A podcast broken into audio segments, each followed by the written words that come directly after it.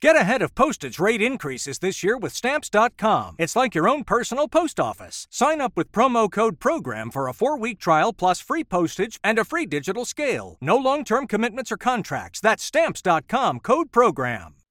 Dit is SBS Dutch. Politie, politici en experts op het gebied van illegale drugs buigen zich over het hernieuwde debat over de legalisering van marihuana in Australië. Sommige experts zeggen dat decriminalisering van cannabis moet worden overwogen. Alison Ritter is de directeur van het Drug Policy Modeling Program van de University of New South Wales. Ze zegt dat er een belangrijk onderscheid moet worden gemaakt tussen legalisatie en decriminalisering. Legalization refers to making currently illegal drugs um, legal in the same way as alcohol and tobacco is. So you could purchase cannabis or methamphetamine from a shop. There are likely to be regulations around age of purchase and there might be licensing requirements. So legalization refers to the legal supply and use of drugs. Decriminalisation, on the other hand, refers to the removal of criminal penalties for the personal use of drugs.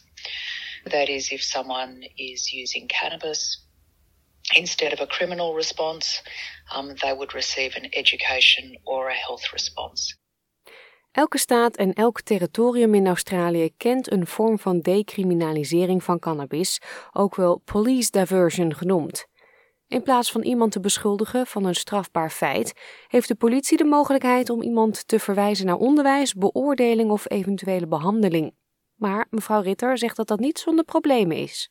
The trouble is because it's not written into the law, the actual implementation of it um, doesn't happen so often, and it, it's left to police discretion to decide who should receive a decriminalised response and who should receive a criminal response.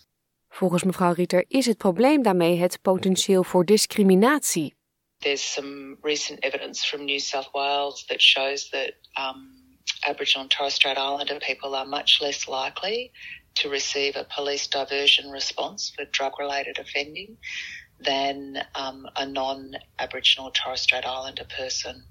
Um, so it's really important that the decriminalisation happens in law rather than um, just through police procedures because that protects the police actually from um, being accused of racialised policing.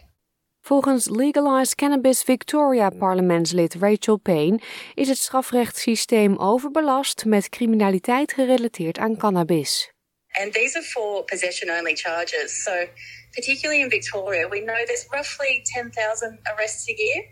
Of those arrests, 92% of those are for possession alone, and they are predominantly impacting people uh, from culturally diverse backgrounds, Indigenous people, and majority of that is Indigenous women and uh, young people. So we just don't want to see people criminalised anymore just for having a joint, essentially. De politie is tegen de decriminalisering van cannabis, maar de Police Association of New South Wales erkent dat wetgeving kan worden overwogen. Een verklaring van de vereniging aan SBS Nieuws zegt: Elke wetswijziging in de legalisering van cannabis moet rekening houden met de politieagenten die nodig zijn om deze maatregelen praktisch te handhaven bij het uitvoeren van hun taken. Ook zegt het: In addressing this, our submission to the recent parliamentary inquiry put forward two recommendations relating to cannabis supply, possession, and use that it be legalised and properly regulated by the government or remain a criminal offence. If cannabis were to be legalised, it must be regulated similarly to alcohol and managed with several preconditions and the appropriate infrastructure implemented to reduce the risk of harm to frontline workers and members of the community.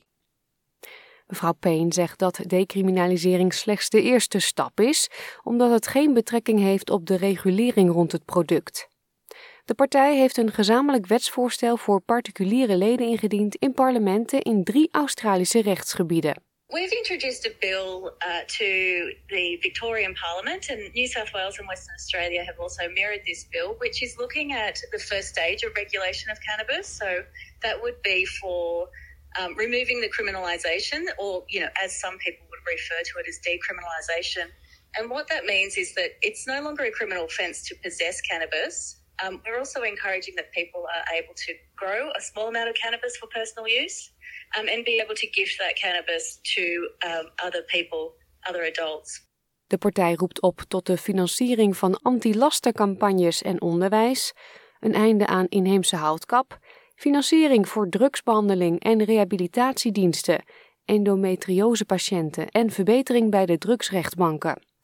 Sommige Australische staten en territoria zijn verder vooruit dan andere als het gaat om cannabiswetten. Mevrouw Ritter zegt dat New South Wales het verst achterloopt, terwijl de ACT het verst vooraan staat. Daar mogen mensen cannabisplanten kweken en een kleine hoeveelheid voor eigen consumptie in bezit hebben. Zuid-Australië heeft een op boetes gebaseerd systeem. Mevrouw Ritter zegt dat het uiteindelijke doel van decriminalisering is om stigmatisering te verminderen en de kans te vergroten dat iemand zich voor beoordeling of behandeling zal melden. So decriminalisation doesn't reduce drug use. It doesn't increase drug use, more importantly, which is what most people worry about. And it's incredibly costly to process these kind of very minor drug use offences through the criminal justice system. Um, a significant amount of money could be saved if people were redirected towards education and possibly treatment. Dit verhaal werd geproduceerd door Hannah Kwon voor SBS Nieuws en door SBS Dutch vertaald in het Nederlands. Like, deel, geef je reactie. Volg SBS Dutch op Facebook.